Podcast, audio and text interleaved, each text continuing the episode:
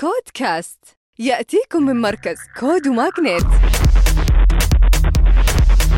مع طارق الجاسر وحياكم الله في نشرتنا الأسبوعية. منصة بيزات الإماراتية المتخصصة في مجال تقنيات الموارد البشرية جمعت 25 مليون دولار في تمويل Series C بقيادة صندوق Disrupt AD وصندوق التحوط الأمريكي وبتوفر حلول الموارد البشرية والتأمين للشركات وبتسعى للتوسع في منطقة الشرق الأوسط مع التركيز على السعودية.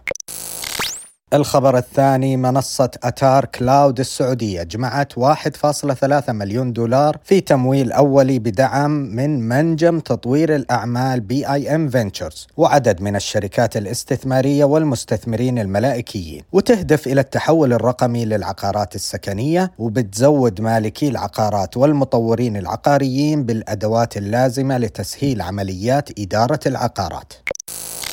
شركة منافع اللي تعمل في مجال التقنية المالية جمعت 28 مليون دولار في تمويل Series A بقيادة صندوق STV وصندوق واعد Ventures وراح تسرع نمو أعمالها عن طريق إطلاق منتجات تقنية مختلفة لحلول التمويل وراح تمكن المستثمرين من حلول الادخار والاستثمارات البديلة.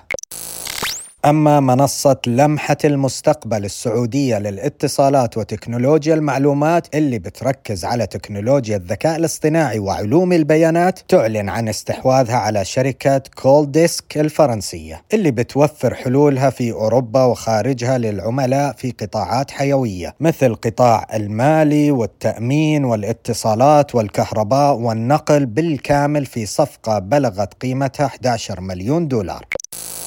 وأخيرا فينتك جالكسي الإماراتية المنصة المالية المفتوحة تستحوذ على منصة الخدمات المصرفية المفتوحة اندرلي المصرية اللي بتوفر واجهات برمجة التطبيقات للبنوك والشركات لتنفيذ الخدمات المالية والمصرفية المفتوحة والمساهمة في تطوير حلول رقمية جديدة بالإضافة إلى تعزيز الشمول المالي في منطقة الشرق الأوسط.